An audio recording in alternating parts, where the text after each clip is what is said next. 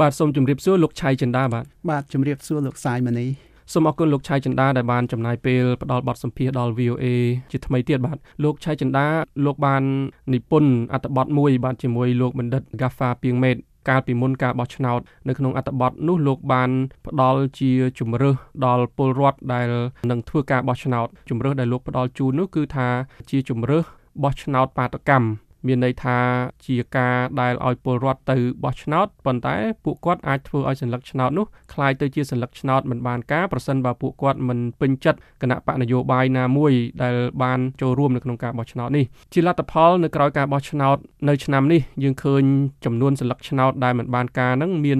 ដល់ទៅ76សែនសន្លឹកលោកអាចបញ្យល់លោកអ្នកស្ដាប់យើងថាតើចំនួនសន្លឹកឆ្នោតដែលមិនបានការ76សែនសន្លឹកនេះមានន័យយ៉ាងម៉េចទៅសម្រាប់រូបលោកបាទ បាទសัญลักษณ์ឆ្នោតមិនបានការឬក៏សัญลักษณ์ឆ្នោតបាតកម្មនោះវាឆ្លោះបញ្ចាំងអំពីឆន្ទៈពលរដ្ឋមួយចំនួន បើតាមតួលេខរបស់គណៈកម្មការរៀបចំបោះឆ្នោត គឺមានរហូតដល់ទៅប្រមាណជា9%ឯណោះដូច្នេះ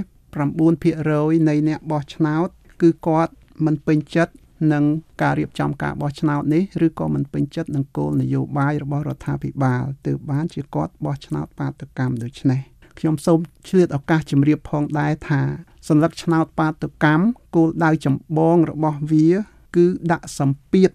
ឬក៏សំណូមពរឲ្យរដ្ឋាភិបាលឬអ្នករៀបចំរដ្ឋាភិបាលអាណត្តិក្រោយនេះបដូរគោលនយោបាយមិនមែនបដូររដ្ឋាភិបាលទេដូច្នេះចំនួន 9%នៃអ្នកទៅបោះឆ្នោត គឺគាត់មានគោលដៅអ្វីមួយ នៅក្នុងការដាក់សម្ពាធឬក៏សំណូមពរឲ្យរដ្ឋាភិបាលដែលកើតចេញពីការបោះឆ្នោតនេះរៀបចំគោលនយោបាយដើម្បីឲ្យគាត់ពេញចិត្តនិងចូលរួមរស់នៅក្នុងសង្គមនយោបាយនេះដែរបាទ លោកអាចបញ្ជាក់បានទេថាតើពលរដ្ឋដែលបានសម្រេចចិត្តមិនផ្ដល់ការគ្រប់គ្រងដល់គណៈបកនយោបាយណាមួយដែលចូលរួមប្រកួតនៅក្នុងការបោះឆ្នោតនេះចង់បានស្អីឬក៏គាត់ចង់ទាមទារឲ្យរដ្ឋាភិបាលផ្លាស់ប្ដូរអីបើសិនជាគាត់មិនបានបញ្ជាក់នៅលើសញ្ញាឆ្នោតនឹងផងមិនបានសរសេរខ្លឹមសារថាគាត់ចង់បានអីពីរដ្ឋាភិបាលផងហ្នឹងបាទគាត់គាត់ទៅធ្វើឲ្យសញ្ញាឆ្នោតនឹងមិនបានការហ្នឹងបាទ កត្តាដែលធ្វើឲ្យសន្លឹកឆ្នោតមិនបានការនោះ គឺវាបញ្ជាក់ថាគាត់ចង់បានអ្វីមួយហើយ តែអ្វីមួយនោះយើងមិនអាចកំណត់បានទេ ពីព្រោះនៅក្នុងការសិក្សាអំពីរបៀបផ្ញើសារគឺវាមានពីរប្រភេទទី1គឺយើងផ្ញើសារតាមរយៈការនិយាយស្ដី ទី2គឺយើងផ្ញើសារតាមរយៈកាយវិការ គឺយើងបោះឆ្នោត បាតកម្មនេះឯងជាការផ្ញើសារតាមរយៈកាយវិការយើងអត់បានប្រាប់ដោយត្រង់ថាឲ្យជាក់លាក់ថាចង់បានអ្វីទេ ពីព្រោះនៅក្នុងសញ្ញាឆ្នោតនោះក៏មិនបានអនុញ្ញាតឲ្យគាត់សរសេរថាត្រូវទៀមទាអ្វីពីរដ្ឋាភិបាលដែរដូច្នេះវាជាការផ្ញើសារតាមរយៈកាយវិការនេះឯងបាទលោកចិន្តានៅក្រោយការបោះឆ្នោតនេះ មានអ្នកឃ្លាំមើល ដំណើរការការបោះឆ្នោតនឹងមួយចំនួនហ្នឹងគាត់បានប្រើពាក្យរហូតដល់ថាឥឡូវហ្នឹងគេឃើញមានគណៈបកថ្មីមួយទៀតកើតឡើងក្រោយការបោះឆ្នោតគឺគណៈបកសញ្ញាឆ្នោតមិនបានការបាទដោយសារតែចំនួនសញ្ញាឆ្នោតមិនបានការនៅអាណត្តិនេះវាមានចំនួនច្រើនជាងចំនួនសញ្ញាឆ្នោតដែលគណៈបកនយោបាយ19ផ្សេងទៀត ក្រៅពីគណៈបកប្រជាជនកម្ពុជាទៅនឹងតើពលរដ្ឋដែលធ្វើការសម្រេចចិត្តនឹងនឹងអាចប្រើយន្តការដែលមិនគ្រប់គ្រងនឹងដើម្បីដាក់សម្ពាធយ៉ាងម៉េចបានទៅដល់រដ្ឋាភិបាលឬក៏អ្នករៀបចំការបោះឆ្នោតនឹងទៅតាមអ្វីមួយដែលពលរដ្ឋចង់បាននោះបាទបាទអឺជាបឋមខ្ញុំសូមមិនប្រើពាក្យថាគណៈបកសัญลักษณ์ឆ្នោតមិនបានការទេខ្ញុំសូមហៅ ថាគណៈបកសញ្ញកឆ្នោតសតិសម្បជញ្ញៈវិញ ពីព្រោះថាសញ្ញកឆ្នោតបាតកម្មនេះ គឺពលរដ្ឋធ្វើផ្អែកលើសតិសម្បជញ្ញៈរបស់គាត់គាត់មិនមែនធ្វើដោយអចេតនាឬក៏គាត់ធ្វើដោយខ្ជិលខ្ជានោះទេគាត់ត្រេះរិះពិចារណាគាត់សង្កេតមើល អំពីអយុត្តិធម៌សង្គមអំពី ប្រការផ្សេងផ្សេងទៀតដែលពលរដ្ឋដូចគ្នា អ្នកភូមិផងរបងជាមួយរបស់គាត់នឹងរងគ្រោះដោយសាររឿងអ្វីមួយដូច្នេះនៅពេលដែលពលរដ្ឋខ្លះត្រូវបានគេជិះជាន់សង្កត់សង្កិនធ្វើបាបធ្វើទុកបុកម្នេញអញ្ចឹងទៅពលរដ្ឋដតីដែលគាត់មានសតិសម្បជញ្ញៈនោះគាត់នឹងបោះឆ្នោតបាតកម្មដើម្បីប្រមានរដ្ឋាភិបាលឬក៏សំណូមពររដ្ឋាភិបាលឲ្យបដូរគោលនយោបាយដើម្បីជួយដល់អ្នករងគ្រោះទាំងនោះ សម្រួលដល់ការលំបាករបស់គាត់ គឺពលរដ្ឋគាត់បីចេះជួយគ្នាទៅវិញទៅមកនៅក្នុងករណីដែលពលរដ្ឋខ្លះត្រូវបានគេជិះជាន់គេរំលោភបំពានសិទ្ធិទាំងកំរោលដូច្នោះឯងហើយបើយើងមើលទៅក្នុងលទ្ធផលនៃការបោះឆ្នោតអាណត្តិនេះយើងឃើញថាសัญลักษณ์ឆ្នោតបាតកម្ម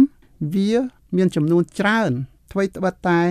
វាតិចជាង សញ្ញាឆ្នោតដែលគណៈបកប្រជាជនទទួលបានមែនប៉ុន្តែវាច្រើនលើសអំពីគណៈបកទាំង19ផ្សេងទៀតត្រង់នេះហើយដែលគាត់ត្រូវតែគោរពឆន្ទៈនៃសញ្ញាឆ្នោតបាតកម្មនឹងឯងគឺបានសេចក្តីថា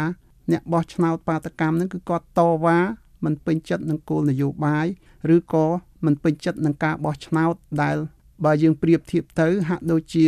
ការប្រណាំងសេះដោយមានសេះតែមួយជាអ្នករត់ដូច្នោះឯង បាទទាំងយើងអាចនិយាយបានទេថាអ្នកដែលបោះឆ្នោតមិនផ្ដល់ការគ្រប់គ្រងដល់គណៈបកនយោបាយណាមួយឬលោកប្រើពាក្យថាបោះឆ្នោតបាតកម្មហ្នឹងគឺសិតតែអ្នកគ្រប់គ្រងគណៈបកប្រឆាំងដែលមិនបានចូលរួមនៅក្នុងការបោះឆ្នោតនេះហើយប្រកាសអំពាវនាវឲ្យពលរដ្ឋកុំទៅបោះឆ្នោតបានទេបាទយើងអាចនិយាយចឹងបានទេយើងមិនអាចនិយាយថាដូច្នេះបានទេពីព្រោះសัญลักษณ์ឆ្នោតបាតកម្មហ្នឹងវាអាចចេញពីប្រភពនានា មិនថាតែមកពីគណៈបកប្រឆាំងទេសัญลักษณ์ឆ្នោតខ្លះអាចចេញមកពីគណៈបកដែលគ្រប់គ្រងរដ្ឋាភិបាលផងដែរដោយសារតែអ្នកបោះឆ្នោតគាត់ឃើញអយុត្តិធម៌នៅក្នុងសង្គមដូច្នេះគាត់មិនពេញចិត្តនឹងរបៀបដឹកនាំគាត់ក៏បោះឆ្នោតបាតុកម្មដើម្បីជំរុញឲ្យរដ្ឋាភិបាលឬក៏ដាក់សំណូមពរដល់រដ្ឋាភិបាល ដែលនឹងកើតចេញពីការបោះឆ្នោតនេះបដូរទិសដៅនយោបាយ ទៅកាន់ទិសដៅណាមួយបាទតកតងទៅនឹងសញ្ញាឆ្នោតមិនបានការនឹងដែរចំនួនហ្នឹងអាចមានអតិពលធ្វើឲ្យមានការផ្លាស់ប្ដូរអីណាមួយទេឬក៏វាគ្រាន់តែធ្វើឲ្យខាតសម្លេង ទៅដល់គណៈបកនយោបាយទៅវិញទេបាទដោយសារតែសញ្ញាឆ្នោតមិនបានការហ្នឹងមិនត្រូវបានគេរាប់បញ្ចូលផ្ដល់ជាតួលេខផ្លូវការទៅឲ្យគណៈបកណាមួយផងហ្នឹងបាទបាទបើនិយាយឲ្យខ្លីសញ្ញាឆ្នោតមិនបានការឬក៏សញ្ញាឆ្នោតបាតកម្មហ្នឹងគឺជា ការបាត់បង់របស់គណៈបកនយោបាយទាំងអស់ដែលចូលរួមប្រកួត ក្នុងការបោះឆ្នោតក៏ប៉ុន្តែសញ្ញាឆ្នោតបាតុកម្មវាជាកតលិកមួយសម្រាប់ជំរុញការផ្លាស់ប្ដូរឬក៏ជំរុញឲ្យរដ្ឋាភិបាលដើរតាមគោលនយោបាយណាមួយព្រោះថាបើយើងសង្កេតមើលលទ្ធផលនៃការបោះឆ្នោតកាលពីអាណត្តិមុន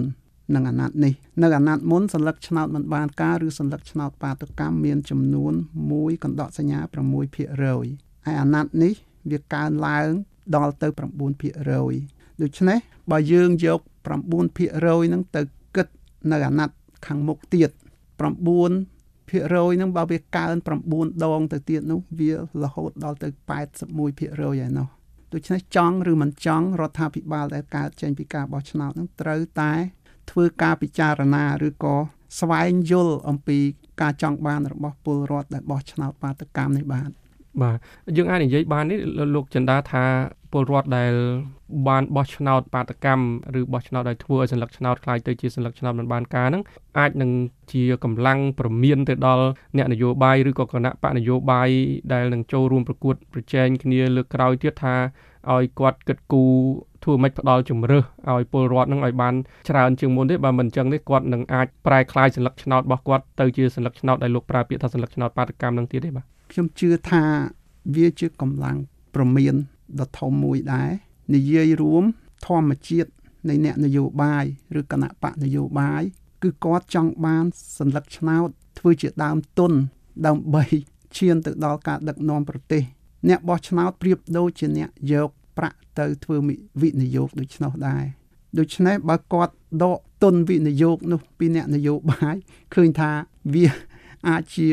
សម្ពាធឬក៏ជាការប្រមានមួយដែរសម្រាប់អ្នកនយោបាយគ្រប់រូបដែលចង់បានសន្លឹកឆ្នោតបើវាតិចមិនអីទេប៉ុន្តែបើវាកើនរឹតតែច្រើន ការប្រកួតប្រជែងគ្នាក្នុងការដណ្ដើមយកសន្លឹកឆ្នោតបាតុកម្មនោះរឹតតែមានភាពស្រួចស្រាលឡើង បាទសូមអរគុណលោកឆៃចិន្តាសម្រាប់ពេលវេលាក្នុងការផ្ដល់បទសម្ភាសន៍នេះបាទសូមជម្រាបលាទៅត្រឹមនេះបាទបាទសូមជម្រាបលាលោកសាយមនីហើយសូមអរគុណផងដែរ